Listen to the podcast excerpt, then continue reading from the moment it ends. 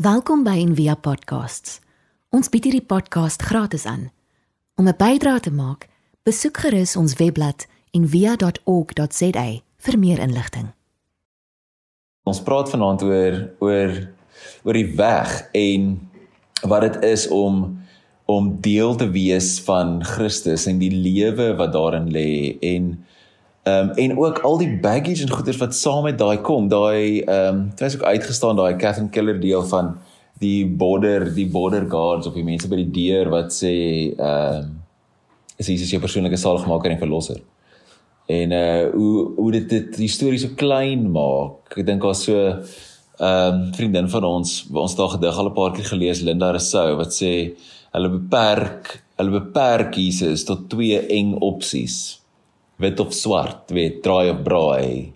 My my God is kind in jou hart. My my is kind is ag is is my is is Jesus in jou hart weet so eenvoudig hulle oor vereenvoudig dit so terwyl dit hierdie misterieuse ehm um, fantastiese wonderlike ding is uh, wat nie so eenvoudig is nie. So ons is op die oomblik ons gaan vir die volgende 3 weke deur die Romeinse teks lees. Die leesrooster vat ons deur Romeine en spesifiek deur Romeine 8. Nou Romeine 8 is seker een van die mooiste hoofstukke in die hele hele Bybel.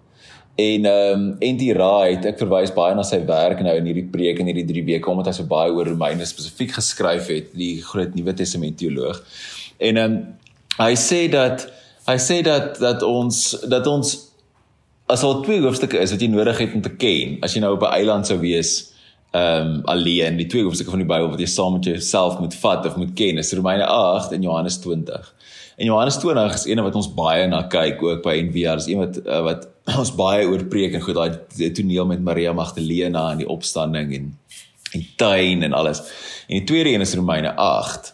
Nou Romeine 8, net die Romeinse brief word geskryf natuurlik aan die kerk in Rome.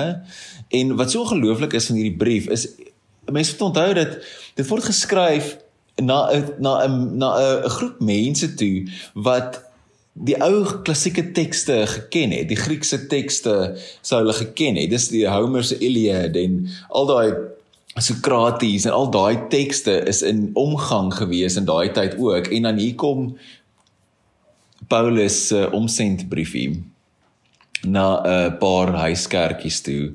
En na duisende jare is hierdie die brief wat die meeste gelees word uit al daai klassieke tekste wat ons die meeste kopieë van het wat wat so lewensveranderend is vir soveel mense wat eh, 'n sleutelteks was in die reformatie en soveel bewegings is dit hierdie hierdie teks en hierdie teks is so dis verskriklik ehm um, weet jy wat dens in Afrika dig sê ek dit is ingepak so jy kan vir ure praat en ek net oor 'n enkele vers vir enkele ding so ons gryp so 10 verse aan en ehm um, ek het vir Frida eintlik gevra of 11 verse ek het vir Frida gevra om vir ons net die skriflesing ook mooi op te neem. So ek sal dit ook post hierdie message wat ons nou gespeel het, is Frida wat dit vooraf opgeneem het sodat jy dit kan gebruik in jou eie stilte en in jou eie uh, tyd nou gedurende die week. Die die idee is om daaroor te reflekteer en laat dit in jou in in jou in drink of in jou insightful. So so hierdie die die die Romeinse brief word geskryf van die kerk in in Rome en daar was uh verskillende faksies en verskillende mense in die kerk en Paulus het die geleentheid gevat om vir mense te verduidelik hoe werk hierdie hele ding. So hierdie hele God ding wat God die wêreld kom red het of sy sy seun gestuur het, hoe pas alles in mekaar in? en oor die meganika eintlik van redding as jy dit so wil stel en wat so 'n komplekse en misterieuse ding is in elk geval en Paulus probeer dit in hierdie brief uitpak. So dis sy mees volledigste verduideliking van soos die evangelie. Die goeie nuus van Jesus se lewe, sy dood en sy opstanding. Dis wat dit is.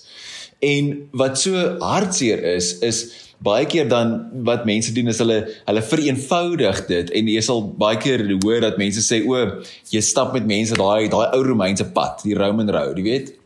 Ehm um, is al sonde in jou lewe? Jy het het gesondig.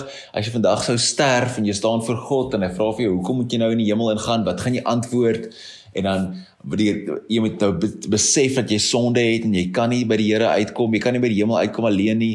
Selfs al het jy goeie werke gedoen en nou moet jy sê maar Jesus is my persoonlike saligmaker en verlosser en dan as jy in, weet dis daai twee baie oorvereenvoudigde vrae. En dit is eintlik so ongelukkig want dit is soveel meer as dit. Ehm um, so om hierdie om hierdie teks te begin verstaan is daar so twee beelde wat Paulus mee werk wat ons nodig het om net weer te verstaan en net weer na te kyk. Want dan verstaan jy eintlik waar hy vandaan kom in sy hele in sy hele skrywe. So ek wil eintlik nou vanaand en eintlik vir die volgende 3 weke vir jou so 'n bietjie teologie leer. Ehm um, oor hoe om te dink oor die narratief van die Bybel. So die die eerste beeld wat ons het of wat Paulus mee werk is of wat sy eintlik sy skrywe half dit lê onder dit eintlik die hele tyd is dat dat dat ons is die beelddraers van God. Ons is in God se beeld geskape. So daai idee is soos 'n absolute sleutel idee tot Paulus se hele teologie en die manier hoe hy alles in mekaar vassit. So as jy onthou in Genesis 1 is God maak die skepping en as jy lees in van die psalms en van die profete en so dan kom jy agter dat die skepping is eintlik is God se tempel. So hy bou vir homself 'n huis. Die aarde en die heelal is sy skep, is sy tempel. Dis waar hy wil kom bly.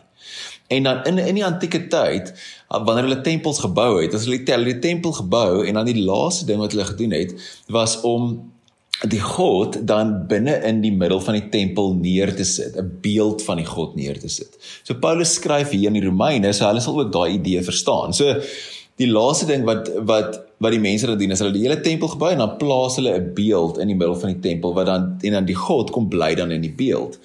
En daai in Genesis 1 Genesis 2 kom ons agter dat God bou hierdie tempel wat die heelal is, die hele skepping en die laaste ding wat hy doen is hy plaas ook 'n beeld in die middel van sy tempel. Maar hierdie beeld is die mens. En daai is soos dit is verstel nou eintlik jou kop oop te blaas en dis sê hoorie maar die beeld van die God in hierdie tempel is jy. Dis ek en jy saam. Dis die mensdom. En daai is God se plan nog die heeltyd gewees. Die hele Bybel is daai sy dit was sy sy bedoeling dat die mens namens hom en saam met hom regeer oor die skepping. Dis die plan. En daai is dan die plan dit wat toe gebreek het as gevolg van sonde wat in die wêreld ingekom het as gevolg van seer en gebrokenheid en daai is die ding wat God die heeltyd wil herstel. En die manier hoe hy besluit om dit te herstel is deur 'n verbond. So as jy die Genesis stories onthou, ons gaan later die jaar bietjie in Genesis ook induik, maar dat God maak 'n verbond met Abraham. Hy hy hy kom na hierdie na hierdie mens toe wat uit hierdie heidenvolk uitkom en ehm um, wat nie die ook nie die heeltemal die grootste ou is nie. So hy kan amper sê half hierdie gewone ou en hy hy sê vir hom ek gaan met jou 'n verbond maak. Jou nageslag sal so wees soos die sterre van die hemel. Wie deur jou nageslag gaan ek die skepping weer heel maak. Dis wat ek gaan doen. En dis dan die storie. So Paulus werk met daai twee goeters. So as jy Romeine lees, dan kom jy dit agter dat hy, hy praat oor die beelddraers, oor jy wat in Christus is en God in jou. En dan praat hy ook oor Abraham en Abraham se geloof en die verbond wat hy wat hy gemaak het met Abraham om die sonde van Adam en Eva en Adam en Eva kan jy lees as die mensdom ongedaan te maak. So God se plan is nog altyd om deur sy beelddraers ek en jy te regeer om in die wêreld teenwoordig te wees deur sy mense. Okay, so daai gou almal het daai konsep, daai idee. God wil in die wêreld wees saam met sy mense deur sy mense. Dis die idee, dis die plan. So Maar sonde het daai ongedaan gemaak, daai en God wil daai regmaak. So sonde is iets wat is so moeilik om oor te praat en terwyl ek hierdie preek gemaak het hierdie week en ek kies, dit is so dis so tricky ding want daai woord en alles kom uit soveel dit kom uit soveel bagasie want ek dink ons almal is soveel so, so vreemd geleer oor dit dat dit amper hierdie ek het vir my kinders ook wat in die skool is en ons op baie van die skoolreëls wat hulle so verskriklik irriteer want dit maak nie sin nie. En also hoe hoe kan dit so werk? Dit maak net nie sin nie. En baie keer voel ons so oor oor sonde. Dit is asof dit hierdie hierdie bitter skoolhoof is wat hierdie reëls gemaak het wat heeltemal irrelevant is. Maar sonde is baie meer as net daai ou moenie dans drink en dobbel nie. Dit is dit gaan oor om weg te wees van jou beelddraer identiteit af. So gaan hy weer sê, dis is om weg te wees om nie die beeld van God in jou te dra nie. Want dit is die merk, dit is die doel van die skepping. En die woord in Grieks, hermatia, beteken om die merk te mis. Sonde. Dis wat sonde, die woord hermatia is die woord wat ons vertaal as sonde. En sonde beteken om die merk te mis. En die merk is om image bearers te wees, om beelddraers van God te wees. En in hierdie teks, as jy dit lees, ons het nou die message vertaling vanaand gelees, maar as jy dit gaan lees in die Afrikaanse in 83 of die ou vertaling, dan praat dit heeltyd oor die wat in die gees wandel en die wat in die vlees wandel. En dat die vlees lei na die na die dood. Die vlees is sleg en gees is goed. En hierdie teks is vol gees en vleestaal. En baie keer word ons en ek dink ons het ook soos vasgeval in 'n tipe dualisme as gevolg van hierdie taal. So ons dink dan of dit het ontwikkel hierdie konsep dat vlees soos liggaam is sleg en by en die gevolg daarvan is ook dat die skepping hierdie hierdie bome en blomme en die sterre en die berge en goeters is eintlik sleg. Dit is eintlik tydelik en dat ons op ons is eintlik en ek het so kleintjie dood as iemand dit sê want dit maak my so kwaad wat hulle sê ons is eintlik net geestelike wesens wat 'n fisiese ervaring het. En daai is so nie die Christen storie nie. Die Judeo-Christen verhaal nie. Dit eintlik daai is Plato. So Plato het gesê dat jy is 'n gees binne in hierdie vleistronk. En eendag dan gaan jy hierdie vleistronk ontsnap en jy gaan so uitpop en op 'n ander plek gaan bly. Daai is Plato filosofie. Dis nie die Joodse Christen verhaal nie. Want as jy nou onthou, nee, God het sy skepping gemaak en sy beelddraers in die skepping gesit en die skepping is goed. God sê dis baie goed. So nooit is vlees sleg nie. So nou Okay, dan maar so dan wat gaan hierdie teks oor? As jy nou sê vlees is nie sleg nie en gees is goed. So waar gaan dit dan nou eintlik?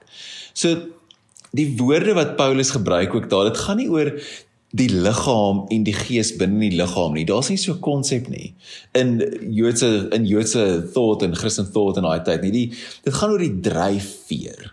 So wat is die motivering? En in die in die message vertaling nou het Eugene Peterson vertaal as in plaas van vlees, hy gepraat oor self.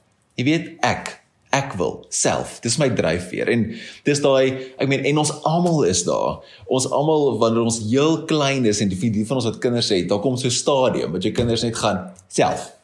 Nee self. Ek wil self, né? Nee? En dis dis die, dis Adam en Eva se sonde. Dit is dit is dit is die sonde in Genesis 3, want self, ek wil self. So self, ons wil self weet, ons wil self besluit wat goed en sleg is, ons wil self, ons het nie God nodig nie. En net van daardie af val die hele ding uitmekaar uit. En Anti Wright skryf, hy sê dat hy dink dat en ek stem saam met hom daaroor, maar ek dink dat hy dink dat die die die die wese van sonde van hermetia en die merk te mis is idolatry, afgoderry. En afgoderry klink vir ons soos klink vreemd. Dit klink soos iets wat jy in 'n movie sien of iets wat mense met goue kalwe en of in tempels wat in Griekeland is of iets soos dit. Maar afgoderry is wanneer jy van iets anders 'n god maak en dit jou jou jou eerbied en jou aanbidding gee in plaas van Yahweh in plaas van God self. So ons maak iets anders 'n god as God. Ons soek 'n ander beeld van God. So dan maak ons 'n kalf. Maar die die, die ironie is is ons is die beeld van God. Maar ons mis dit. En dis daarom waar ons nie moet beelde van God maak nie want ons is eintlik die beeld van God. En ons mis daai ding. En dan begin die vlees of wat ook al ons dan aanbid, ons dryf. En die vlees bring dan die dood, daai dryfveer. So in daai Romeine 8:6 in die ou vertaling dan sê dit want wat die vlees bedink is die dood. Maar wat die gees bedink is lewe en vrede. Daai woord lewe is doze. So sal nou nou weer by daai woord uitkom en dit doze zoe. Dit ehm um, so die ek verduidelik altyd so vir mense. Ek sê dis is die verskil tussen 'n petrolbakkie en 'n dieselbakkie. Dis albei bakkies.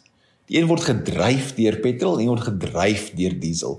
En dis hoe jy daaraan moet dink. Iets word gedryf deur die vlees of iets word gedryf deur die gees. Dit maak nie verskil in die actual bakkie nie. Reg? So en as jy net bietjie daaroor dink, nê, nee, want ek sit net baie dink hierdie week van hierdie idee van van sonde en dood en weet ons wat weggeval het van die Here af en wat baie keer so vreemd dit voel vir my so vreemd as 'n as 'n 'n postmoderne denkende mens hierdie weird ou idee van jy was stout en nou het jy iemand nodig om jou te red. Maar as jy daar dink nê nee, wie van ons kan nie getuig daarvan van wanneer jy jou vertroue op iets geplaas het wat nie God is nie en hoe duur dit jou gekos het nie? So byvoorbeeld jou vertroue op te plaas op 'n ander persoon 'n verhouding vir vriendskap of iemand anders wat jou moet red, wat jou moet help en hoe seer jy al gekry het van dit nie. En verhoudings breek onder die gewig van ons verwagting. En dan kry ons seer. Of om jou of om jou jou, jou redding te vertrou aan jou loopbaan of in jou werk. En so baie van ons het in hierdie tyd agtergekom hoor jy ons ons werke wat so seker was en ons salarisse wat so seker was is eintlik toe nou heel broos. So en ek kan aanhou en aanhou en aanhou met hierdie op goed wat ons vertrou en die klassiekes noem soos geld en verhoudings en mag en al daai goeders. En aanvaarding en en al daai goed dit werk nie. Dis as jy jy jy probeer oor en oor en oor en maar dalk as ek as as ek net goed genoeg leef of dalk as ek genoeg the law of attraction practice en ek sê genoeg affirmations en dan dan sal dit werk en dan en dan werk dit alweer nie dan breek die ding alweer. En nou en nou hier staan hier staan ons dan nou in gebrokenheid. Stikkend. Op 'n 'n plek van on, onmoontlikheid. Eugene Peterson skryf en hy sê dit so mooi. Ek word eintlik net op die skerm gooi dat jy dit kan sien. Hy sê hy skryf en hy sê um The Christian life begins as a community that is gathered at the place of impossibility, the tomb. Dan word die Christen reis, Christen gemeenskap, die kerk en jy kan die mensdom ook al insluit by dit en sê ons begin by hierdie dis is hierdie plek van onmoontlikheid. En ek dink daai wat en dis wat mense baie keer dan probeer afkook en sê maar dis sonde besef. Jy moet besef jy's ver van die Here af want jy was stout. Maar dit is meer as dit. Dis is 'n diep gebrokenheid weg van jou beeld van God self af onmoontlikheid daai En dis waar die storie begin by die graf. By daai, die plek van dood waar alles klaar, daar is nie meer 'n kans oor vir jou nie. So en dan as ons die storie volg in die Bybel, dan sien ons hoe God werk om sy mense weer terug te kry by hom, om weer sy beelddraers te herstel. En dan kies hy 'n groep mense om te sê maar hierdie groep mense, hulle gaan my beelddraers wees en hy gee vir hulle die Torah, die wet. Die Torah, die woord beteken ook weg en sê hier is die weg wat jy moet leef. Maar dit werk nie. Keer op keer op keer dan gaan die Israeliete en dan en dan sal weer terug by ander gode. Dan bou hulle kalf en dan sat hulle van daai palle op met die Asherah palle en dan hulle dit dan hulle keer dit kom net nie daar uit nie. Hulle kry dit nie reg nie. Israel moet God se beelddraers wees en hulle moet vir die wêreld 'n ander pad wys, maar hulle het nie en hulle kon nie. En nou en dan kom ons by in in hierdie teks praat dit ook oor en dis ook iets wat altyd ongemaklik is om oor te praat, is God se oordeel. En dan dink jy, "Jesus, ek kan nie hierdie hierdie idee van soos hierdie kwaai God wat goeders oordeel en wraak neem of God se God se die Engels is wrath. Hoe verstaan ons dit? Weet en as jy daaroor dink, en die raad skryf ook oor dan sê hy, hy sê hoe kan 'n goeie God wat na sy goeie skepping kyk en sien hoe dit gebreek is? En gebreek word deur mense dit nie veroordeel nie. God se se righteousness is op die spel. Sy regverdigheid. En sy righteousness het nie te doen met hoe hoe oulik hy is nie, maar te doen met sy sy sy plig om die verbond te hou. Sy plig om sy belofte te hou teenoor Abraham, teenoor die mens homself. God wil die mensdom red, heel maak, gesond maak en die mense en die mense wat moet sorg vir sy skepping. En dan hoe God dan reageer op die ou en en dit en ek weet hier het ons al 100 keer gehoor ons almal maar dit is so belangrik en ons moet dit net weer en weer en weer oor en oor hoor is God kom dan self as 'n mens as Jesus en Jesus vat dan daai gebrokenheid in homself deur 'n offer te bring. En dis nie God wat sy seun straf nie. Die een skrywer, hy sê, dis nie God wat hierdie hierdie kosmiese kindermishandelaar is wat Jesus mishandel aan die kruis nie want Jesus is God self ook. En Jesus gee homself. Die tekste lees in Filippense en 'n paar van die briewe van hoe Jesus homself gee as as 'n 'n fragrant offering. Hoe hy Johannes 15 daai hy gelese lewe neer vir sy vriende. Hier's niks van 'n kwaai pa wat 'n seun straf want hy stout nie. Daar's heeltemal iets anders aan die gang. Om sy lewe te gee vir sy vriende. En dis hoe God koning is. En dis wat ons nie ons kan dit nie snap nie. Want ons baie keer wil ons sê maar God is in beheer. En veral in hierdie pandemie tyd sê ons net maar God is in beheer. God is in beheer. En dan as jy daai woorde sê moet jy weet dat die manier hoe God in beheer is is deur Jesus aan die kruis die manier hoe God in beheer is is deur Jesus wat sy disippels se voete was Die manier hoe God in beheer is, is Jesus wat aan mense raak wat uitgestoot is en verworpe is. Dis hoe Jesus, dis hoe God in beheer is. En wat so Jesus word dan met die kruis, hy word wat ons is, sonde self, gebrokenheid self en hy neem dit alles in homself op hierdie misterieuse manier wat ons nie kan verstaan nie sodat ons kan word wat hy is. Jesus word wat ons is sodat ons kan word wat hy is 'n beelddraer van God. Irenaeus die kerkvader het gesê um our lord Jesus Christ who did through his transcendent moet lees dit weer mooi. Um hy het gesê our lord Jesus Christ who did through his transcendent love become what we are that we that, that he might bring us to be even what he is himself. Hy word wat ons is sodat ons kan word wat hy is. En Jesus neem dan al die gebrokenheid van die wêreld, die mis die merk sonde op op homself en transformeer dit in die graf. Hy sê en die wat dan lewe, lewe in Christus. Dis baie meer as my persoonlike saligmaker en verlosser. Dis in Christus. Jesus neem daai in homself in. En Jesus gaan dan in die donker in beide as ons verteenwoordiger en ons plaasvervanger. Dit hierdie is so 'n diep misterie wat ons ek dink ons ooit sal verstaan nie. En is as gevolg van daai dat ons die lewe kan kry. En in die teks ook dan lees dit sê dis dis dan die Gees, God se opstandingsgees wat in ons kom bly, die Gees wat in ons ingeblaas het om sy beelddraers te wees. Weer daai beeld. Dis dan wanneer dit gebeur en kan gebeur sodat ons die lewe kan kry. En daai woord wat Paulus gebruik is zoe, dis 'n woord wat jy kan leer, zoe. Zoe, zoe, zoe, zoe die lewe wat God gee. Die lewe wat die boom in Genesis gee. Die boom van die lewe. Want hy daar was twee bome. Ons vergeet dit baie keer. Daai lewe.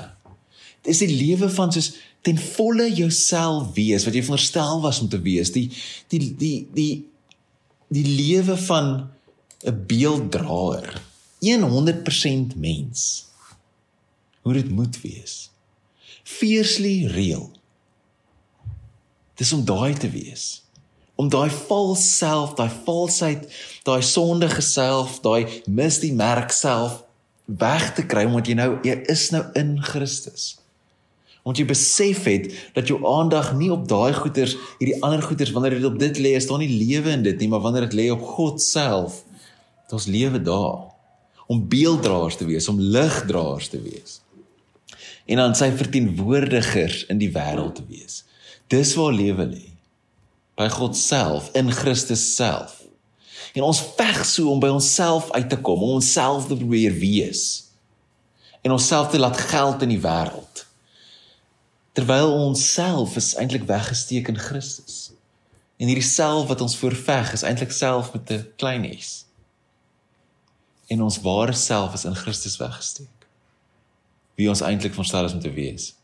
En is soos daardie mense wat jy wat jy al ontmoet het wat so 100% hulle self is, diep ingesluit is in God, wat deel het in God. Daardie mense is wat ons almal moet wees. Daai is wat ons uitgenooi word om te wees. Mense waar daar geen meer veroordeling voor is nie. Dis hoe die teks begin. Daar's geen veroordeling vir die wat in Christus Jesus is nie. Want hulle is beelddraers. En hulle kan beelddraers wees net as gevolg van Jesus se werk aan die kruis, aan daai groot misterie. En dis wat Paulus hier uitpak in 'n handjievol verse, hierdie groot misterie. So ek hoop dit dit inspireer jou om net weer opnuut na God te kyk. Om om weer opnuut net te kyk in jou eie lewe, is maar maar op wat vestig ek my aandag? Op wat fokus ek? Wat gee ek my eerbied en my die hoogste aansien in my lewe? Want dis daai ding wat terugreflekteer op jouself. En wanneer dit nie God is nie, dan het jy dood, dan het jy moeilikheid. So ons almal staan voor daai keuse. Dis die verbond, hè. Deuteronomium wat sê ek sit dit voor jou, kies lewe of dood. En dis wat God gebruik om die skepping te herstel. Dit sê hiersoos vir jou na die pad.